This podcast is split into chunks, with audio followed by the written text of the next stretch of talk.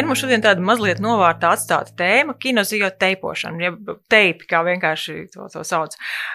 Vienbrīd Latvijā ārkārtīgi populāra, lai kur tu iet, varēja redzēt cilvēkus, kuriem ir tās mazās trēmelītes, dažādas krāsainas, uzlīmētas uz ķermeņa dažādās vietās un dažādos musturos un zīmējumos.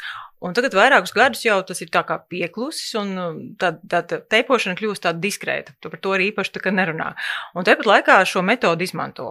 Un par to mēs arī runāsim, kad tā ir piemērota, cik viņa ir efektīva, cik daudz vispār no tā visu var gaidīt. Un mans sarunu biedrs ir mans kolēģis Raivis Gabrānos, certificēts fizioterapeits, strādā ortoklinikā Āgenskalna filiālē. Un tu šo metodi, nu, desmit gadu garumā, tev desmit gadu pieredzi viņu izmantot, tu viņu laiku laikam arī praktizē, tikai tev ir ļoti arī praktisks skatījums uz to. Nu, prieks tev redzēt šeit šodien. Sveiki, jā. Seki, uh, es varbūt sākšu ar to jautājumu par to milzīgo popularitāti, jo bija tāds vienkārši, vienkārši eksplozija, kad visi lietoja, man liekas, cilvēki, kur vispār, nu, neko, vienkārši noskatījās YouTube un, un lika tos teipus, vienkārši tas bija kaut kā ļoti populāri. Kāpēc, kāpēc, kāpēc tas bija tāds triumfu gājiens? Tā bija ļoti laba tāda, uh, reklāmas kampaņa no ražotājiem. Uh, 2008. gada Olimpiskajās spēlēs uh, dalīja tos teipus praktiski par velti, ļoti daudz reklamēja. Spēlētāji ļoti, un attiecīgi atlēti ļoti daudz nolīmējušies, un tas radīja attiecīgi interesi parastajiem lietotājiem un skatītājiem par to, kas tas ir. Un, ja Jā, jau attiecīgi, Latvijā, jā, jau attiecīgi to lietoja attiecīgi atlēti, tad arī protams, parastajam mm, patērētājam viņam arī bija interesi par to, kā viņš to var izmantot attiecīgi savā uh, treniņu praksē un ikdienā. Kā tu skaidro to, ka tas tā noplaka, jo bija tiešām tāds kārtīgs burbulis, un tas tā kaut kā pavisam noklusa? Būtībā tā metodēm ir tā, ka um, Viņa ir savā ziņā nedaudz modes lieta, kad ienāk kaut kas jauns, cilvēkiem ir ļoti interesanti viņu izmēģināt. Un, attiecīgi, tajā brīdī, kad tās attiecīgi expectācijas par to, ko teips varētu dot, nesapas ar to realitāti, ko viņš arī realitātē dod cilvēkiem, tad attiecīgi tā interese arī samazinās. Tas ir, tas ir viens. Otrs arī tas fakts, ka tas jaunais vairs nav jauns. Un līdz ar to viņš ir izmēģināts, un tad var pāriet pie citām tomēr, metodēm, kuras uh, strādā efektīvāk. Saka, bet tu viņu apgūsi, un tu viņu tomēr esi praktizējis. Nav tā, ka tu esi paskatījies un metis mieru. Tas nozīmē, ka, jā, ka tu viņu savā jā, strādāju ar izmanto. regbiju izlasēm un uh, izmantoju kopā teipu jau 11 gadus, uh, regulāri ikdienas darbā. Jo viņam ir teiksim, savas indikācijas, kad viņu lietojot, ir tas rezultāts un ir tas efekts. Tālāk arī parunāsim, kādi varētu būt iemesli šim efektam. Mazliet no vēstures. Es saprotu, ka 2007. un 2008. gads tas nav pats sākums teipiem, ka viņiem ir apmēram 50 gadi vispār nu, tiek praktizēta šī metode. Jā, viņi izdomāja Japāns. Uh, lai kāda viņam tā ideja bija, uh, attiecīgi veidot to locītavas uh, saturīgumu pie artrozēm uh, un, un, un uh, palīdzēt cilvēkiem. Tā ideja jau ir ļoti laba un uh, noteikti tiem teipiem ir pielietojams un ir sava vieta būt. Tāpēc viņi joprojām arī ir izmantojami sporta komandās diezgan plaši. Bet šeit ir tā problēma, ka šeit ir tas konflikts starp to zinātnisko evidenci, ko pierāda augsta līmeņa metānalīzes, sistemātiskie apraksti un to, ko ražotājs sola. Un būtībā tajā brīdī, ja ražotājs sola noteiktus attiecīgi kaut kādus efektus, un, attiecīgi, speciālists teipojot pacientam nesagādā šos efektus, tad radās nepiepildītas expectācijas, jā, jau gaidas, tad attiecīgi šī interese samazinās par šo, un attiecīgi paši speciālisti tomēr ilgtermiņā ilgi strādājot ar teipiem, tomēr saprot reāli, kas no tās visas teorijas strādā praksē un kas nestrādā.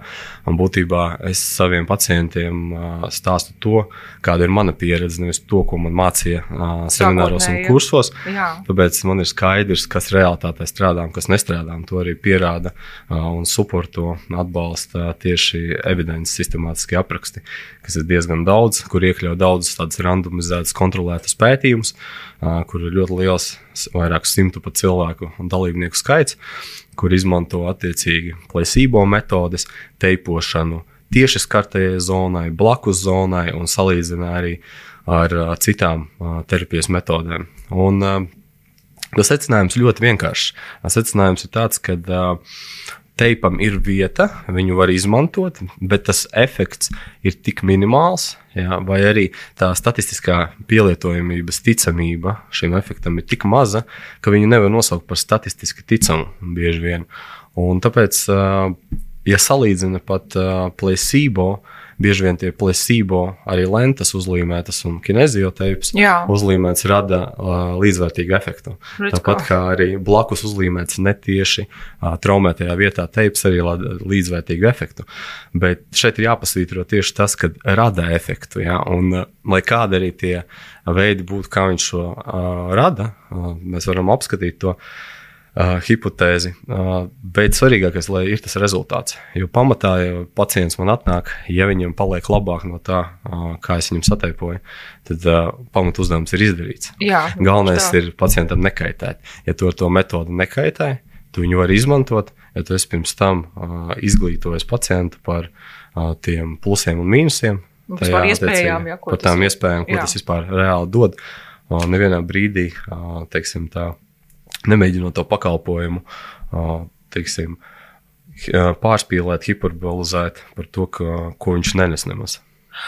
Kā, kā vispār tas teips strādā? Jo liekas, tas ir tāds plāksteris, nu, krāsains plāksteris uzlīmēts ko viņš vispār var darīt. Bet nu, skaidrs, ka jūs kā fizioterapeits saprotat, ka tur droši vien kaut kāda pastiepšana ir vēl pacelšana. Kā tas strādā vispār? Kā tā doma? Nu, būtībā fizioloģiski tā, ka teipam jā, ir tā kā elastīgai saitē vilktspēja, un šī ir būtībā savu veidu tāda elastīga saite. Līmējumu. Jā, attiecīgi, atsevišķi kinezio teipiem vēl ir spēcīgāki teipi, ka ir dinamiskie teipi. Viņiem atkal uzdevums atvieglot locītavu kustības, palīdzēt viņas, attiecīgi, atbalstīt. Tas, attiecīgi, teips ir daudz spēcīgāks. Viņu var turēt īsāku laiku, viņš kairina vairāk ādu, viņam ir savi mīnusi. Bet uh, kinezio teipam, attiecīgi, jā, ir šī vilktspēja. Ar šo vilktspēju viņš savelk ādu, un, attiecīgi, to ādas fasciju, ar ko viņu piestiprinās apakšā esošajiem slāņiem. Līdz ar to veidojas tādas kā uh, mikro pacēlumi, uh, mikro teiksim, vietas, pa kurieni uh, var uzlaboties mikrocirkulācija bet tas ir tādā zemādas līmenī. Būtībā tur, kur viņš ir uzlīmēts. Bet tas, ka teips spēja izmainīt kaut kādā veidā, nu, teiksim, tiešā mehāniskā veidā, muskuļu iekļaujošo fasciju, tas vienkārši nav reāli. Tāpēc, ka muskuļu fascija ir kā brezents. Viņa vienkārši cieta un elastīgi, to nevar ietekmēt. Bet pārējās visas fascijas, kas iet augšā, viņas kā zirnekļu tīkls, viņas ir nedaudz kustīgas, viņiem savā starpā ir jākustās. Un, protams, ka teipa līmējums kaut kurā virzienā var palīdzēt uzlabot šo tādu tā kā mikromobilizāciju, veicināt un mikrocirkulāciju, bet nevienā brīdī tas, tas nav labāks vai prioritārāks par vingrošanu vai mīkstu tehnikām, ko var veikt ar rokām fizioterapeits. Es teiksim, lasīju, ka pēc operācijām, lai veicinātu brūces dzīšanu, izmanto vai lai veicinātu teiksim, limfodrenāžu, ka tas arī kaut kādā veidā, vai viss šis arī strādā. Tāpat tās es arī lasīju par to, ka, piemēram, sportistiem, ja ir trauma un tomēr ir jāturpina tā spēle, tad arī šī teipošana palīdz. Ko tu par to visu saki? Jā, būtībā 21. gadā uh, bija arī pētījums tieši uz uh, ceļa endoprotēzes pacientiem, un uh, tur attiecīgi vērtēja sāpes, kustību apjomu un tūsku uh, no 3. līdz 8. dienai. Tad būtībā tas secinājums bija tāds, ka uh, pēcoperācijas pacientiem tas sāpes nesamazināja, kustību apjomu nepalielināja, bet attiecīgi samazināja tūsku. Tā, un, tur tas strādā. Jā, tas jā. samazināja. Un bija arī vēl pētījums par to pie laterālās potītes sastiepumiem, kas arī samazināja tūsku. Bet to īstenībā ļoti var pat vizuāli labi redzēt, ka tā zemādas mikrocirkulācija un limfotece tiešām var uzlaboties. Tā, tajās arī esmu pamanījis vislabākos efektus teipam, un tas ir pilnībā loģiski, jo mehāniski viņš var šo virskārtu, teiksim, pavilkt noteiktā virzienā. Un, ja mēs uzlīmējam, pieņemsim, uz ziluma, teipu, tad mēs sagriežam teipu tādā mazās strēmelītās, attiecīgi, kur katru strēmelīti izvēršam, ja limfā, limfātiskā tehnikā uzlīmējam, tad mēs redzam, ka tur, kur ir uzlīmēts teips, noņemot viņu, tur šis zilums ir pazudis vai samazinājies. Tur, kur šis teips nav virsū, tas zilums vēl ir palicis vairāk. Līdz ar to, to pat vizuāli var redzēt, ka viņš zem sevīm tiešām uzlabo to mikrocirkulāciju un, attiecīgi, palīdz caur limfātisko sistēmu aizvadīt šo zilumu projām tūsku. Un, teiksim, kā ir ar kaut kādiem, dis, tas pat nav disbalans, nestabilitāti plecā, piemēram, jo arī tas, tas bija teiks, ka teiksim, tas pa, palīdz stabilizēt, vai tik nopietnu lietu tas arī palīdz stabilizēt? Un būtībā ar... ar teipu ir tā, ka apmācībās ļoti sīki tur māca par procentiem, tos iestiepumus, tos virzienus, kādos viņus uh, likt, bet uh, realitātē, uh, cik tas daudz kā strādā, nu, teikšu tā, ka ļoti daudz tas neko nemaina. Ir neliela ietekme, tiešām var pārbaudīt ar roku fasciju, kustīgumu, virsēju ādu, slāņu. Var, attiecīgi, protams, idejiski domāt, uz kuru pusi tu gribi to vilkšanas virzienu, bet vai tas tā strādā, nu, ļoti minimāli būtībā pēc paša pieredzes. Tāpēc, teiksim tā, ja lielos nogriežņos tiešām strādā atšķirība, viegls iestiepums, kas būtu limfātiskai, attiecīgi atecēji, un spēcīgs iestiepums, kas būtu attiecīgi locītavas papildus stabilizācijai. Ja mēs skatāmies pleca stabilitāti, tad pleca stabilitāti tur attiecīgi es savā praksē līmēju simtprocentīgi, praktiski 80-100%. Tie pievilkta, pacelta pleca locītavas, nedaudz elevētas, un, attiecīgi, te piestiepjot caur vidu maksimāli. Jā. Protams, galvas bāzes pielīmējot viegli, bet tā ir ideja tāda, ka tas viss plecs tiek iekļauts un savilkts kopā. Un kādā veidā veidojas tā stabilitāte?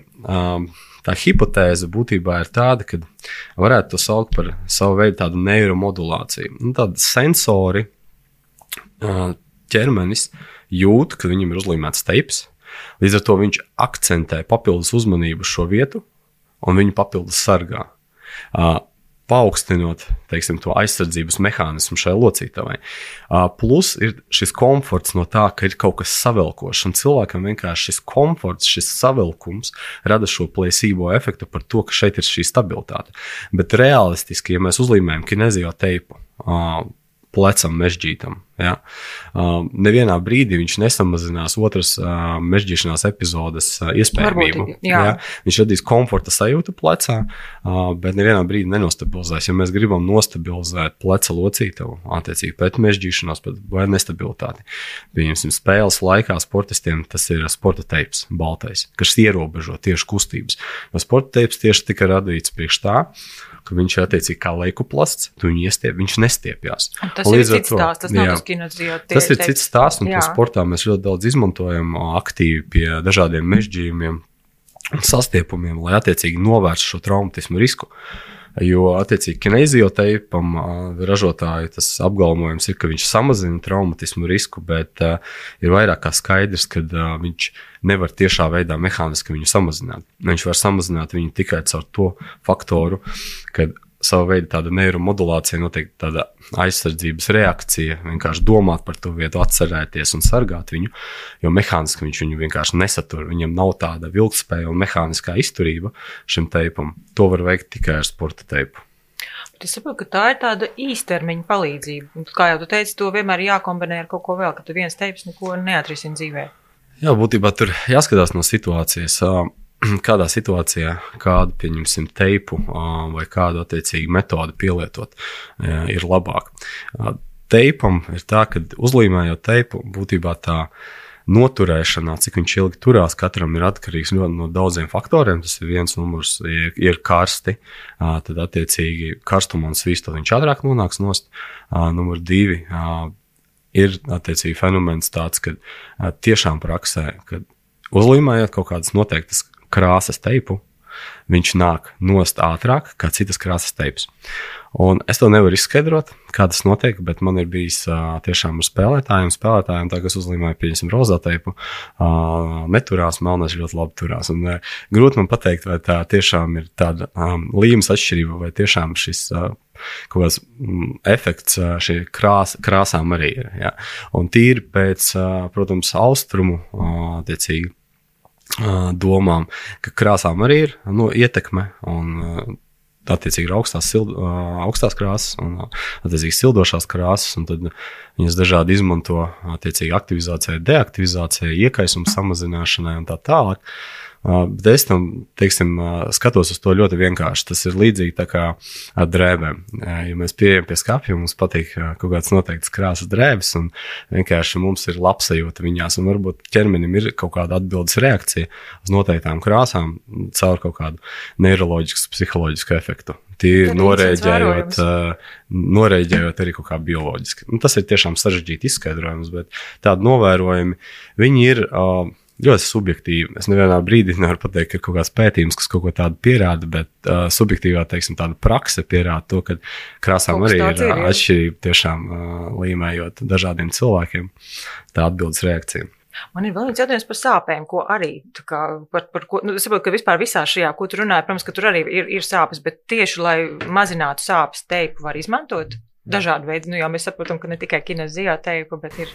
Būtībā ar teipu ir tā, ka pētījumi nepierāda to, ka viņš samazinātu sāpes, bet uh, hipotēzi izvirzam, tad uh, tas mikrokairinājums, ko rada teips par tādu kustību laikā, var radīt tādu sensoru mikrokairinājumu, kurš varētu bloķēt attiecīgi sāpes. Tas ir tāpat līdzīgi kā sildoša vai augsta smēra, kur nav tieša efekta uz iekaisumu samazināšanu vai uz attiecīgi sāpju mazināšanu, tas uh, mehānisms ir cīri caur to sensoru, attiecīgi feedbacku tādu, un tas caur to sensoru kairinājumu. Tāpēc uh, atbilde ir tāda, ka varētu, iespējams, bet tas nav pierādīts, un attiecīgi labāk, protams, ir lietot pārbaudītas metodas Pret sāpēm, jā. jā, pret sāpēm. Un uh, pret sāpju metodi neizvēlēties teipu. Ja kādam cilvēkam samazinās sāpes no teipa, nu, tas lielākoties tomēr ticamākais ir placebo efekts. Nu, man no sakras agrāk, vispār, kad redzēju, ka visi staigā teipos, man likās, ka kaut kas šausmīgi nenopietns. Tomēr šodien gatavojoties, palasot, man, man savukārt ir tāds pretējs sajūta, nu, ka tas tomēr ir tur apakšā ir diezgan dziļas domas un tie tādi, nu, jā, kāds cilvēks to ir redzējis. Vai, tiksim, cilvēks, kurš šo dara, jo agrāk to darīja bieži vien, nu, vienkārši tu paskatījies YouTube un tu sev uzliki teipu. Cik liela nozīme tomēr ir tām zināšanām, gan par anatomiju, gan par biomehāniku, vispār liekot šos teipus? Normālā gadījumā būtībā, ja lieto kinezio teipus, būtu, protams, jābūt basic sapratnē par fizioloģiju, par to, kā cilvēks kustās un kur ir kāda muskuļi un locītavas. Tas pats par sevi saprotams, bet jā, ir labi video arī, kur parāda kaut kādus noteiktus teipošanas veidus, un tīri iespējams, ka šis veids var palīdzēt kaut kādam konkrētam gadījumam, bet viņš nav specifiski izvēlēts tam pacientam un viņa problēmai. Līdz ar to diezgan liela iespējamība arī ir uzteipot ne tā, kā vajag. Tāpēc, ja grib attiecīgi adekvātu teipojumu un piemērot kaut kādai konkrētai problēmai, nu, maksimāli, tad būtu labāk teipoties pie speciālists, kurš saprot attiecīgi šo fizioloģiju un viens arī diagnozes kā tādas.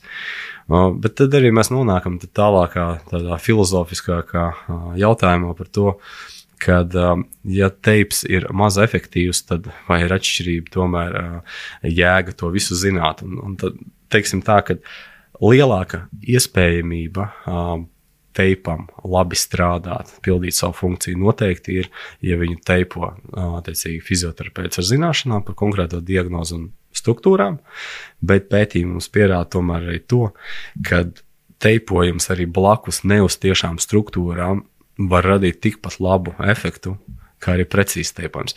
Tas dēļ tā plasība efekta. Jā, iespējams, nu, caur, caur plasība efekts.